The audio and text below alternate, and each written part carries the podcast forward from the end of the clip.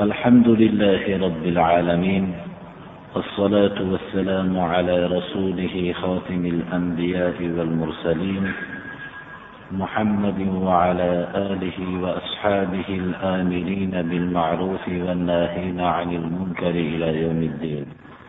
أما بعد السلام عليكم ورحمة الله.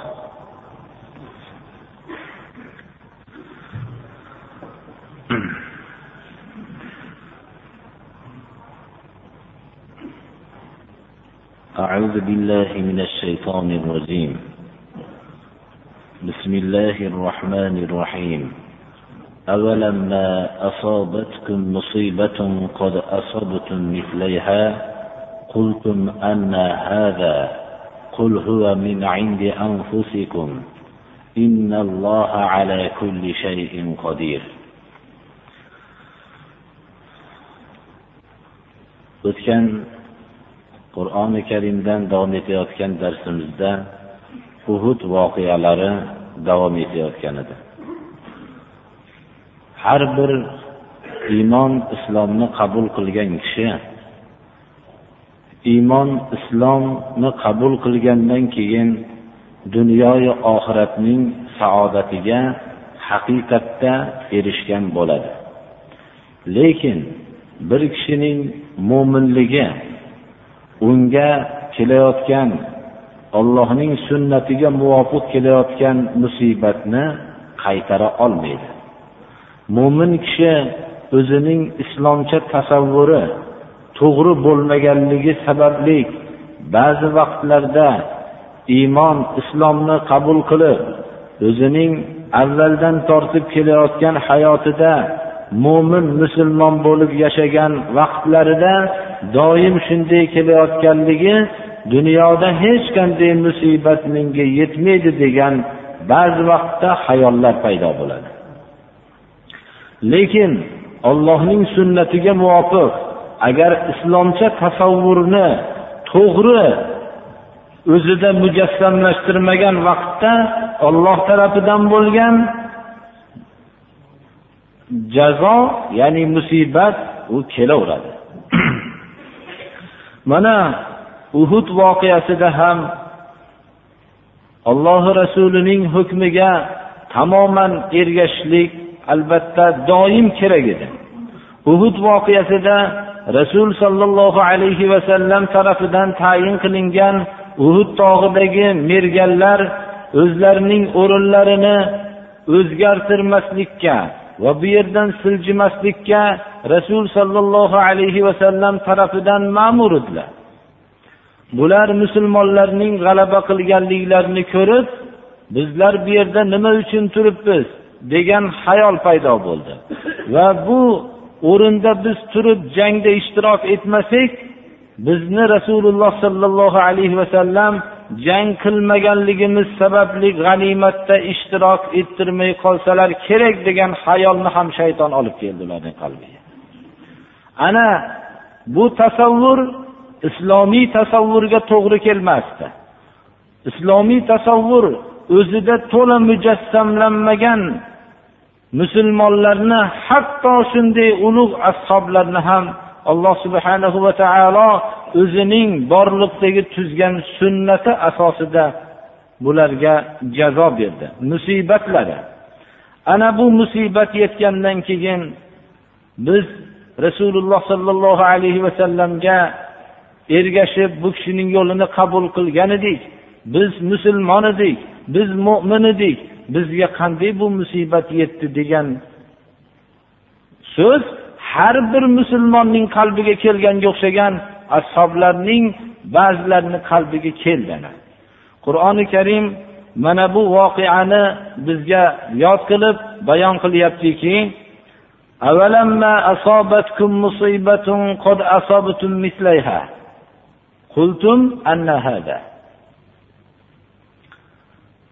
uhud voqeasidagidan ilgari badr g'azotida musulmonlar mushriklarning ya'ni qurayshlarning eng kattalarini bular qatl qilishgan edi. Ularning eng mo'tabar peshvolaridan yetmish kishi qatl qilingan edi.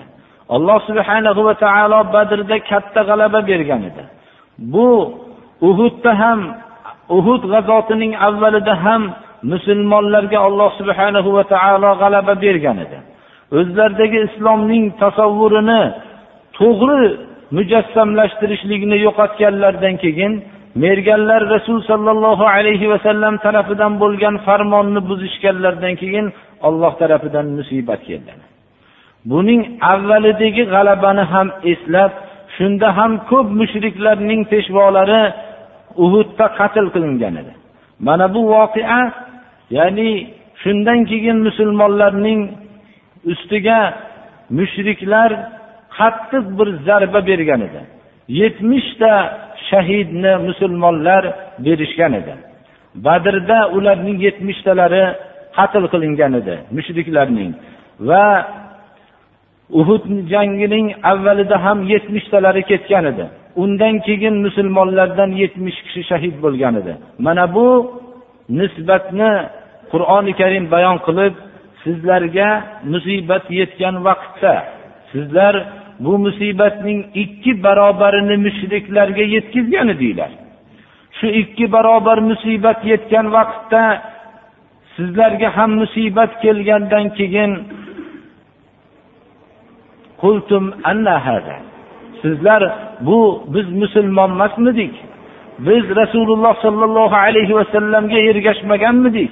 Ergashib musulmon ediku. Bizga bu musibat qanday keldi deb aytmadinglarmi deb alloh taolo bayon qilyapti. Har bir davrdagi musulmonlar ham tasavvurlari shunday bo'lib qoladi. Iymoni islomda juda ko'p saodatlarni juda ko'p marhamatlarga erishgandan keyin o'zlarining kamchiliklari sababli biror boshlariga musibat yetsa qayerdan bu musibat kelyapti? Biz shu yo'lda ketayotgandiku degan narsani har bir musulmon shu so'zni aytadi mana bu uhud voqeasidagi bizlarga alloh subhanahu va taoloning bayoni nihoyatda kuchli darsdir. Biz o'zimizda islomcha tasavvurni to'g'ri tasavvur qilmaganligimizdan o'zimizda mujassamlashtirmaganligimizdan boshimizga musibat keladi. Ollohning sunnati hech kimni ayamaydi. Inson o'zini ollohni sunnatiga ko'ldalang qilar ekan. Agar tasavvurni komil o'zida mujassamlashtirar ekan doim undan g'alaba ajralmaydi. Agar tasavvurni o'zida nuqsonlik yoyinki butunlay mujassamlashtira olmasa nuqsonli mujassamlashtirib yo butunlay mujassamlashtira olmasa olloh tarafidan bo'lgan sunnatga o'zini ko'ldalang qiladida mag'lubiyatga duchor bo'ladi ayting ey muhammad alayhissalom ularga qayerdan bu mag'lubiyat bizga keldi degan vaqtida ularga javob qiling. Huwa min anfusikum, o'zinglar tarafinglardan keldi bu mag'lubiyat deng o'zinglar islomni o'zinglarda to'la tasavvurini mujassamlashtira olmaganliginglardan keldi bu.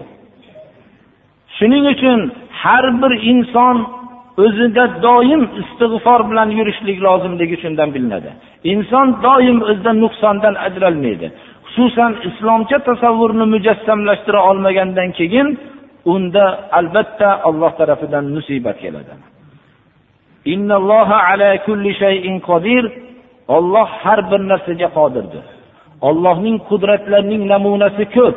Bu qudratlarning namunasidan bittasi shuki inson o'zining ollohni sunnatiga ko'ldalang qilib qo'ysa ya'ni o'zida islomcha tasavvurni to'la mujassamlashtirmasa olloh tarafidan kelayotgan musibatni olloh uni ayamasdan o'zining sunnatini ijro qiladi.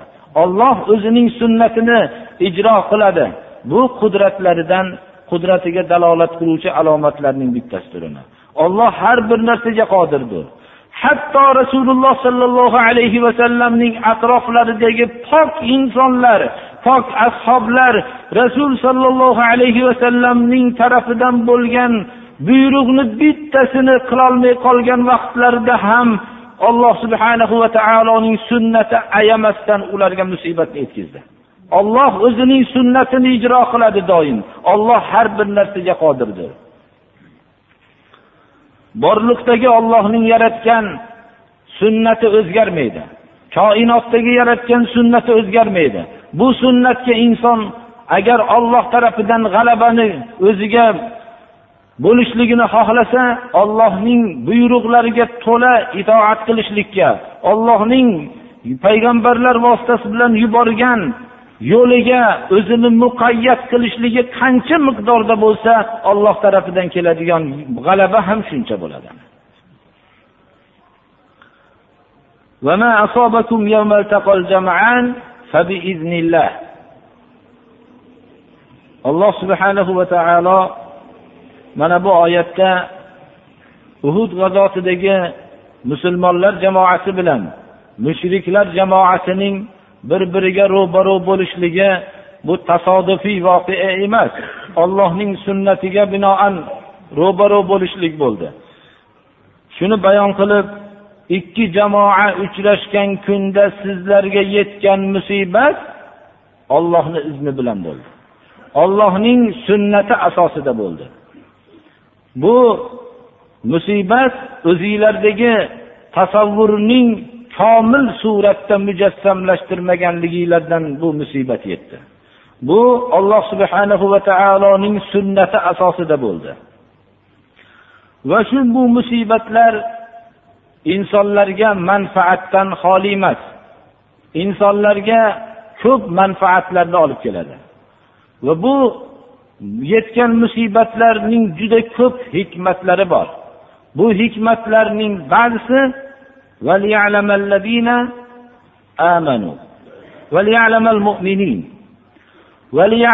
mo'minindagi arab qoidalaridan xabari bo'lgan kishi mo'minindagi vovni qayerga atf bo'lishligi haqida fikr yuritadi وما أصابكم يوم التقى الجمعان فبإذن الله وليعلم المؤمنين ya'ni ikki jamoa mushriklar va mo'minlar jamoasining uchrashligi ollohning izni ollohning sunnati bilan bo'ldi bu juda ko'p hikmatlarni ifodalaydi juda hikmatlarning ko'pini o'z ichiga olgan Mana bu hikmatlarni hammasini bayon qilmasdan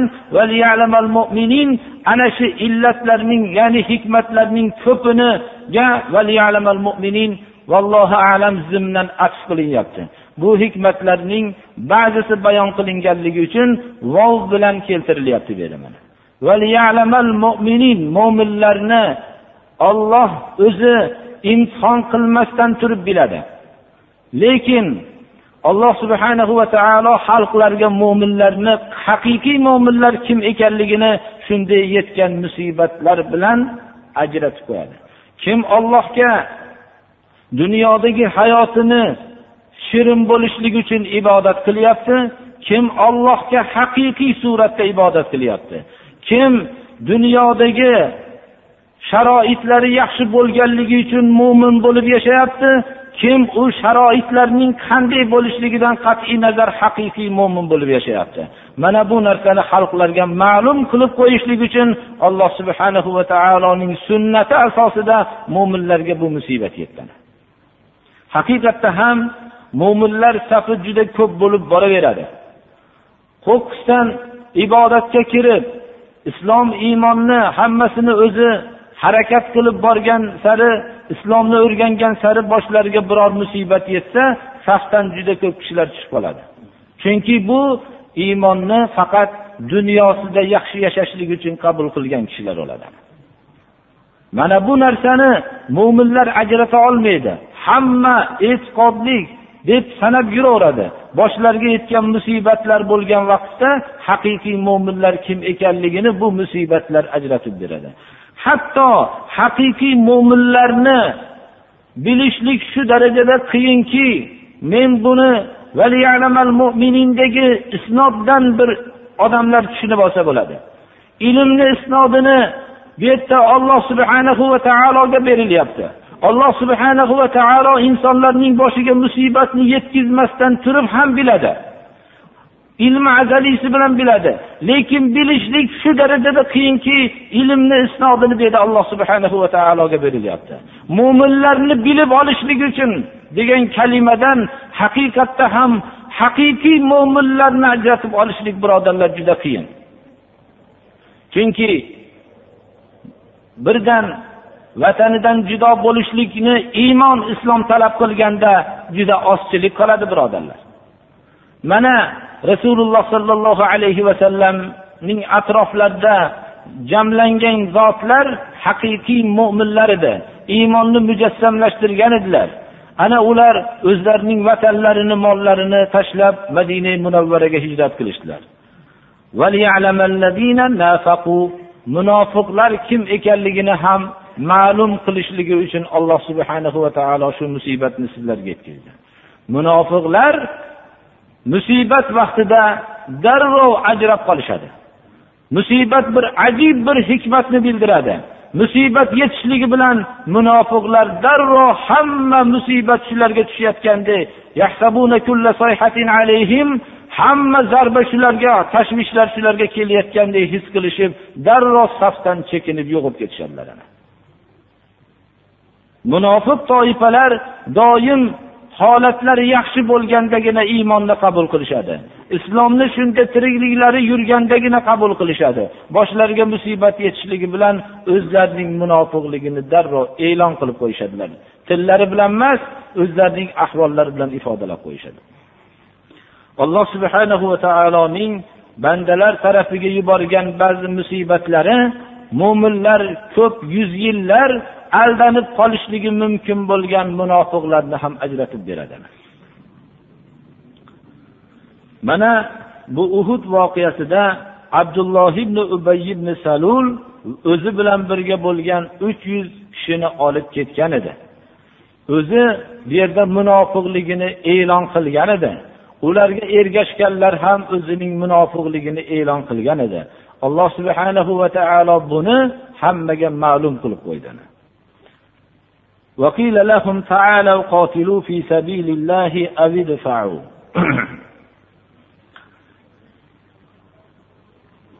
قالوا لو نعلم قتالا لاتبعناكم. هم للكفر يومئذ أقرب منهم للإيمان.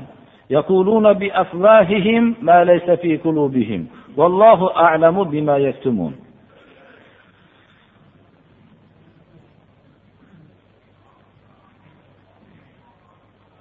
Ashobi ikromlar ichida abdulloh ibn amr ibn harom bu kishi abdulloh ibn ubay bilan birga bo'lgan munofiqlarga xitob qilib aytgan edilarki bular jangni tashlab ketishayotgan vaqtda xitob qilib aytgan edilarki kelinglar ollohni yo'lida jang qilinglar. Yoyinki mudofaa qilib turinglar deb aytgan edi. Shu aytganlarida u munofiqlar qabul qilishmagan edi. Ular aytishgan ediki bular qaytib ketishgan edi madinaga.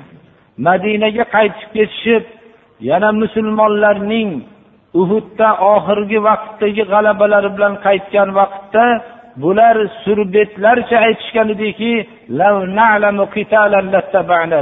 agar u yerda jang bo'lishligini bilganimizda biz qaytib ketmasdan sizlarga ergashgan bo'lardik deydi. Doim qo'rqoq o'zlarida hech qanday bir haqiqatni mujassamlashtirishlikdan qo'rqib yurgan kishilar doim shunday faylasuflikni davo qilishadilar birodarlar. Biz bu jangni bilmaganmiz deyishdi. Agar jang bo'lishligini bilganimizda sizlarga ergashgan bo'lardik dedi. Chunki jang musulmonlarning g'alabasi bilan tugagan edi. Alloh subhanahu va taolo mana bu voqeani bizlarga bayon qilib ularga aytilingan vaqtda kelinglar ollohni yo'lida jang qilinglar yo mudofaa qilib turinglar deb aytilsa ular qaytib ketishadilarda qaytishib ketgandan keyin islom g'alabasi bilan musulmonlar qaytgandan keyin ularga biz jang bo'lishligini bilsak sizlarga ergashgan bo'lardik deyishadi. Alloh subhanahu va taolo ularning so'zini rad qilib ular iymonni davo qilishlikdan ko'ra kufrga yaqinroqdir deb bayon qilyapti.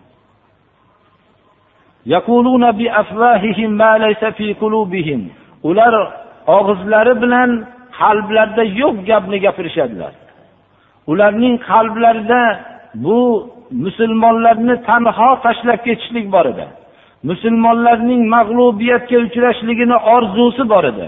Mana bu qalblardagi narsa edi. Ular og'izlari bilan qalblarida yo'q bo'lgan gaplarni gapirishadilar. Bu so'zlaridan tashqari qalblarida juda ko'p bir habis fikrlar bor vallohu a'lamu bima yaktumun. Olloh ularning bekitgan narsasini biluvchiroqdir mana. Ollohning biluvchiroq ekanligi mana bu ularning sirlarini fosh qilganligi biluvchiroq ekanligining alomatlaridan bittasidir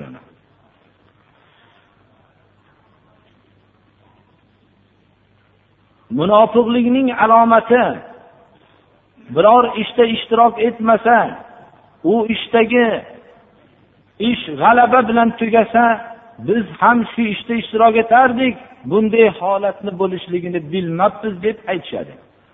Ammo shu ish ishtirok etilmagan ishda biror bir mag'lubiyatlar bo'lsa xususan shahidlar bo'lsa jarohatlangan kishilar bo'lsa buni darrov munofiqlik xususiyati g'animat biladida munofiqlarni o'zlarini paylasuflarcha gapirtiradigan qilib qo'yadi. Ular aytishadiki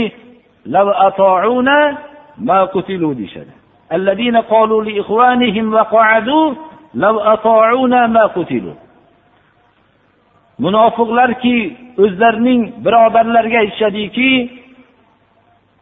o'zlari jangga ishtirok etmasdan chetda qolishib bizlarga itoat qilishganda ular mana o'ldirilmasdan hayot qolishgan bo'lardi. Mana bizdek hakimlarga ergashmadi ular deb o'zlarini faylasuf sanasha boshlashadilar. Har bir hayotda ham shunday o'zini faylasuf sanagan munofiqlar ko'p bo'ladi birodarlar. Biror bir din yo'lida biror bir xizmat qilinsa shu xizmat albatta biror g'alaba bilan tugasa bu g'alabaning ichida albatta ba'zi ziyonlar ham ba'zi musibatlar ham bo'lsa ta'bir joiz bo'lsa ziyon deb odamlar tili bilan aytamiz. Haqiqatda olloh yo'lida bo'lgan harakatdagi yetgan musibat ziyon deb aytilmaydi birodarlar. Ana shunday biror bir musibat yetsa boshqa bu ishda işte ishtirok etmasligi o'zi gunohligidan uyalmasdan shu savobli ishda işte ishtirok etganligiga hijolat bo'lishlikni o'rniga bizga ergashib shunday yurganda bu musibat yetmasdi unga deb faylasuflik qiladigan munofiq kishilar har bir hayotda topiladi birodarlar. Ollohni yo'lida mana avvalgi davrlarda ollohni yo'lida insonlar bir birlarini o'zining avlodlarini o'zining do'stlarini olloh yo'lida o'qitib shularni bekinib o'qitib yurgan kishilarning boshlariga biror bir musibat yetib mahbus bo'lib qolgan bo'lsa mana bizlarga itoat qilishmadi. Agar itoat qilishganda bunday mahbus bo'lmasdi salomat uyda o'tirgan bo'lardi degan faylasuflar yo'q bo'lgani yo'q birodarlar.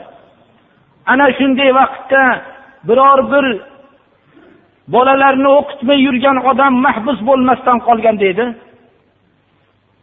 Odamlar butun shariatga xilof bo'lgan ishlarni qilib bu ishlar yo'lida mahbus bo'lganlar son minglar bo'ldi lekin shayton ularni ko'rsatmaydi insonga. Shayton shunday insonning ko'ziga olib keladiki mahbus bo'lishlik uchun biror bir zarar ko'rishlik uchun faqat islomga xizmat qilishlik kerak bo'ladigan qilib shayton ko'rsatadi.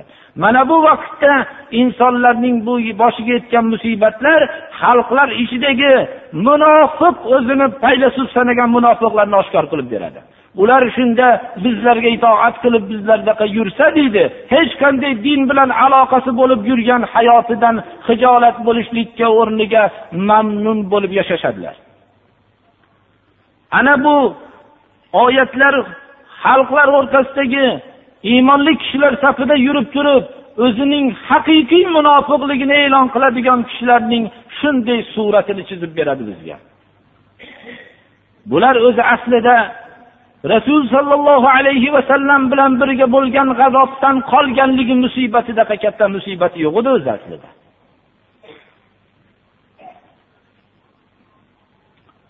Lekin o'lishlik bu ollohni yo'lida mujohid bo'lgan kishiga ham yetadi. Mujohid bo'lishlikdan qo'rqib uyda bekinib yotib eshiklarni bekitib olganga ham yetadi. O'lim dovyurak kishiga ham keladi. Umr bo'yi biror bir tovush chiqsa ham shu tovushni menga kelyapti deb qo'rqib yashaganga ham o'lim keladi. O'limni hayotga halif bo'lishlik qaytara olmaydi. O'limni o'limdan qo'rqishlik qaytara olmaydi. O'limni qo'rqoqlik muddatini cho'zib bermaydi. O'limni dovyuraklik tezlashtirib qo'ymaydi birodarlar. Bu haqiqat yosh bolayu o'rta yoshu qariyayu fikrlik fikri yo'q bo'lgan kishilarga om bo'lgan haqiqatdir. Bu haqiqat birlamchi haqiqatdir. Hech qaysi bir inson inkor qila olmaydi buni. Alloh subhanahu va taolo ana shunday o'zini faylasuf sanagan munofiqlarga xitob qilib rasul sollallohu alayhi vasallamni buyuryaptiki aytishlikka qul ayting. O'zinglardan o'limni saqlab daf qilib surib tashlanglar bo'lmasam shu davoinglarda sodiq bo'lsanglar. Haqiqiy musulmon ham o'ladi munofiq ham o'ladi. Ammo bu o'limning o'rtasida ikki o'limning o'rtasida juda katta farq bor birodar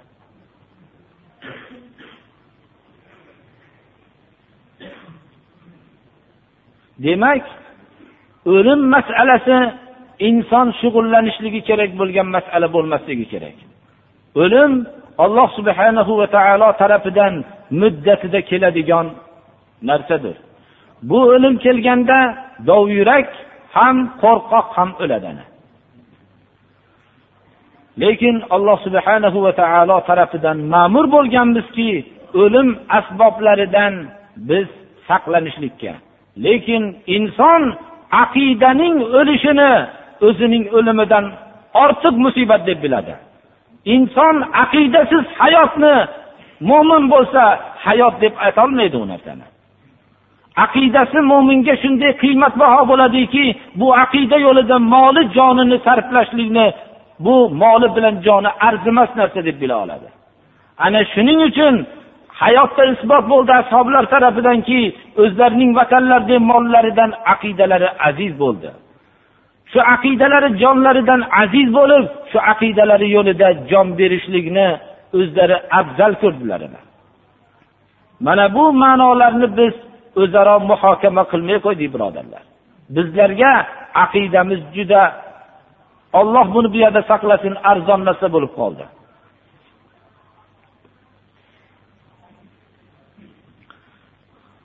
Alloh subhanahu va taolo mana bu oyatda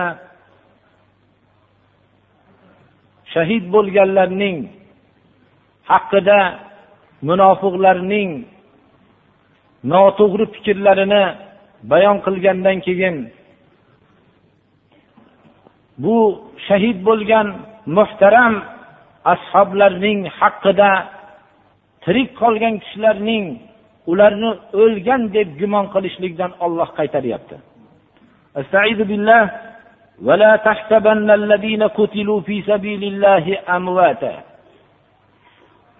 ollohni yo'lida faqat ollohni yo'lida qatl qilib qilingan o'ldirilingan kishilarni o'lik deb o'lganlar deb gumon qilmanglar deb olloh qaytaryapti Kishilarning o'ldi deb aytishligimiz mumkin ammo olloh yo'lida shahid bo'lgan kishini o'lgan deb aytishlik emas balki o'lgan deb qalbimizda gumon qilishlikdan olloh qaytaryapti.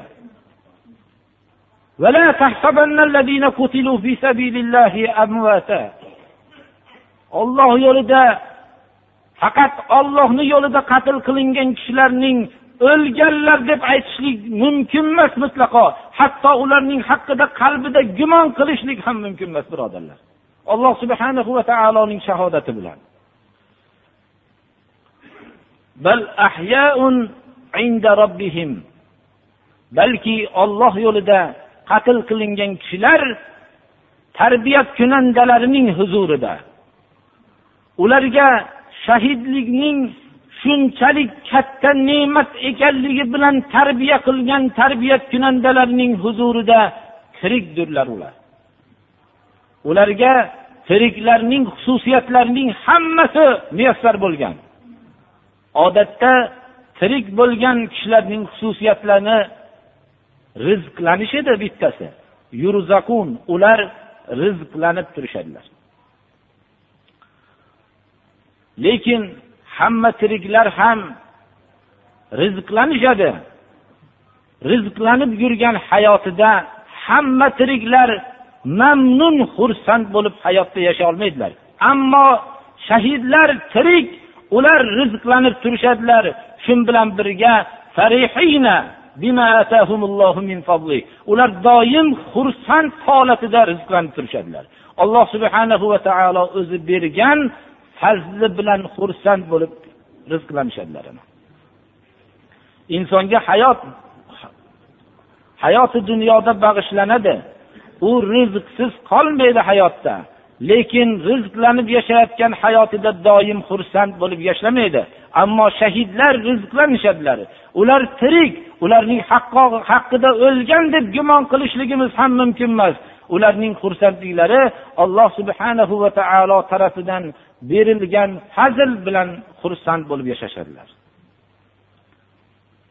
ويستبشرون بالذين لم يلحقوا بهم من خلفهم ألا خوف عليهم ولا هم يحزنون odatda olloh yo'lida qatl qilingan kishilarning ko'proq qolganlar eslashadi eslashib ham ularning esdan chiqarishlik mumkin bo'lmaydi Chunki vallohu alam ularning esdan chiqarishlik mumkin bo'lmaganligining siri ham ularning tirikliklari bo'lsa kerak. Ular doim tiriklar atrofida tiriklarga ta'sir berishlik va yurib turgan kishilar bilan ta'sirlanishlik bilan yashaganliklari bo'lsa kerak. Vallohu alam. Bular o'zlarining orqalaridan hali yetib kelmagan ollohning yo'lida o'zlarining ahdlarida barqaror bo'lib turgan kishilar bilan xursand bo'lib turishadilar. Shahidlar doim o'zlaridan keyin qolgan kishilarning ahdlarida davom etyaptimi yo'qmi shu narsada g'amgin bo'lib turishadilar. Ular doim shu narsani ahdlarda davom etishligini ko'rishlikni orzu qiladilar. Ular ahdlarning buzib buzmasdan yashashliklaridan buni orzu qilishadilar. Ahdlarni buzib qo'yishlikdan qo'rqib ahdlarning buzib qo'yadigan holat vujudga kelsa g'amgin bo'lib qolishliklari holatini alloh subhanahu va taolo bayon qilib ular o'zlarining orqalaridan yetib kelmagan kishilar bilan doim xursand bo'lib turishadilarki ularni ustida ahdlarning buzib qo'yishlikdan xavf qilmanglar. Ular ularning ustida masalan xavf bo'lmaydi va ular g'amgin bo'lishmaydilar qolgan mujohid birodarlari bilan. Mana bu tiriklarning xususiyatlariki o'zlaridan keyin qolganlar bilan doim aloqamand bo'lib yashashadilar.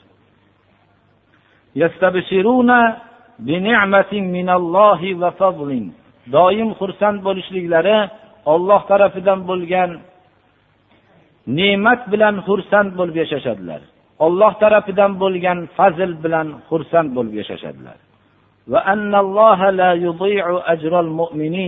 Olloh haqiqiy mo'minlarning ajrini zoyi qilmasligini xabarini eshitib turishlik bilan xursand bo'lishadilar. Haqiqiy qolgan mo'minlarning ajrlarini olloh zoyi qilmaydi. Ularning ba'zi xatolari sababli yetgan musibat ularning ajrlarini zoye qilishlikka dalolat qilmaydi. Alloh subhanahu va taolo mo'minlarning haqiqiy mo'minlarni ajrini zoye qilmaydi degan xabarlar bilan shahidlar doim xursand bo'lib yashashadilar ana rasululloh sollallohu alayhi vasallam bizlarga marhamat qilib aytdilarki dunyoda vafot qilgan kishilarning hammasi ya'ni vafot kalimasini aytyapmiz dunyodan o'tgan kishilarning hammasi oxiratga borgan kishilar hammasi qaytib jannatga kirgan kishilar faqat. Jannatga dohil bo'lgan kishilar qaytib dunyoga kelishlikni orzu qilishmaydilar. Chunki alloh subhanahu va taolo tarafidan jannatda berilgan ko'z ko'rmagan quloq eshitmagan ne'matlar ularni juda ham mamnun qilishadilar. Mamnun qiladida hayoti dunyoga qaytib borishlikni mutlaqo esdan chiqarishadilar. Ammo shahid dunyoga qaytib tirilishlikni orzu qiladi. Jannatda shunday ortiq mukofotni olgan shahid yana bir bor dunyoga borishlikni orzu qiladi. Orzusi shu bo'ladiki u ham yana bir bor tiriltirsang shu dunyoda yana bir bor shahid bo'lib kelsam deydi o'ziningga ko'rsatilgan mukofotning ko'rib yana bir bor shahid bo'lib kelsam deydi dunyoda jannatga kirgan kishilarning hammasi qaytib bu dunyoni orzu qilmaydi birodarlar. Butun hayoti bo'yicha o'zining hayotini bag'ishlangan bu hayotni qaytib orzu qilmaydi birodarlar. Oxirat jannat shunday katta mukofot ana. Lekin shu mukofotning kattaligi shahidga juda katta miqdorda bo'ladi. Shuning uchun ham ashoblar bu yo'llanmalarni hayotlariga tadbiq qildilar. Islom tarixiga bir nazar tashlasangiz avvali islomdagi iymon keltirgan kishilarning aksarlari alloh subhana va taolo tarafidan shahodat ne'matini olib ketdilar dunyodan mana bu yo'llanmalar mabodo olloh yo'lida o'z holatlarida jon taslim qilib ketishgan bo'lsalar bunga ko'p afsus nadomatlar bilan ketishdilar. Vaholanki qur'oni karimda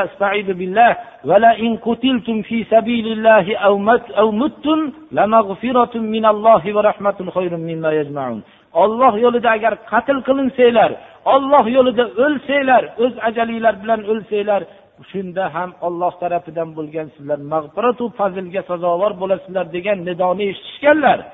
Agar bir kishi olloh yo'lida xizmat qilib yurgan holatida o'lim kelsa u shahidlarga muyassar bo'lgan mukofotlarning qismini oladi.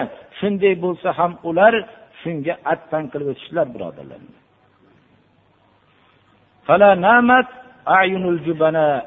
Mana shunday alloh subhanahu va taolo bizlarni olloh yo'lida qatl qilingan kishilarni munofiqlar tarafidan mana bizga itoat qilganda bular qatl qilinmagan bo'lardi degan so'zini shunday rad qilib tashladi birodarlar. Ularga rad qilib qani bo'lmasam o'zinglardan o'limni daf qilinglarchi agar shu davoinglarda sodiq bo'lsanglar dedi.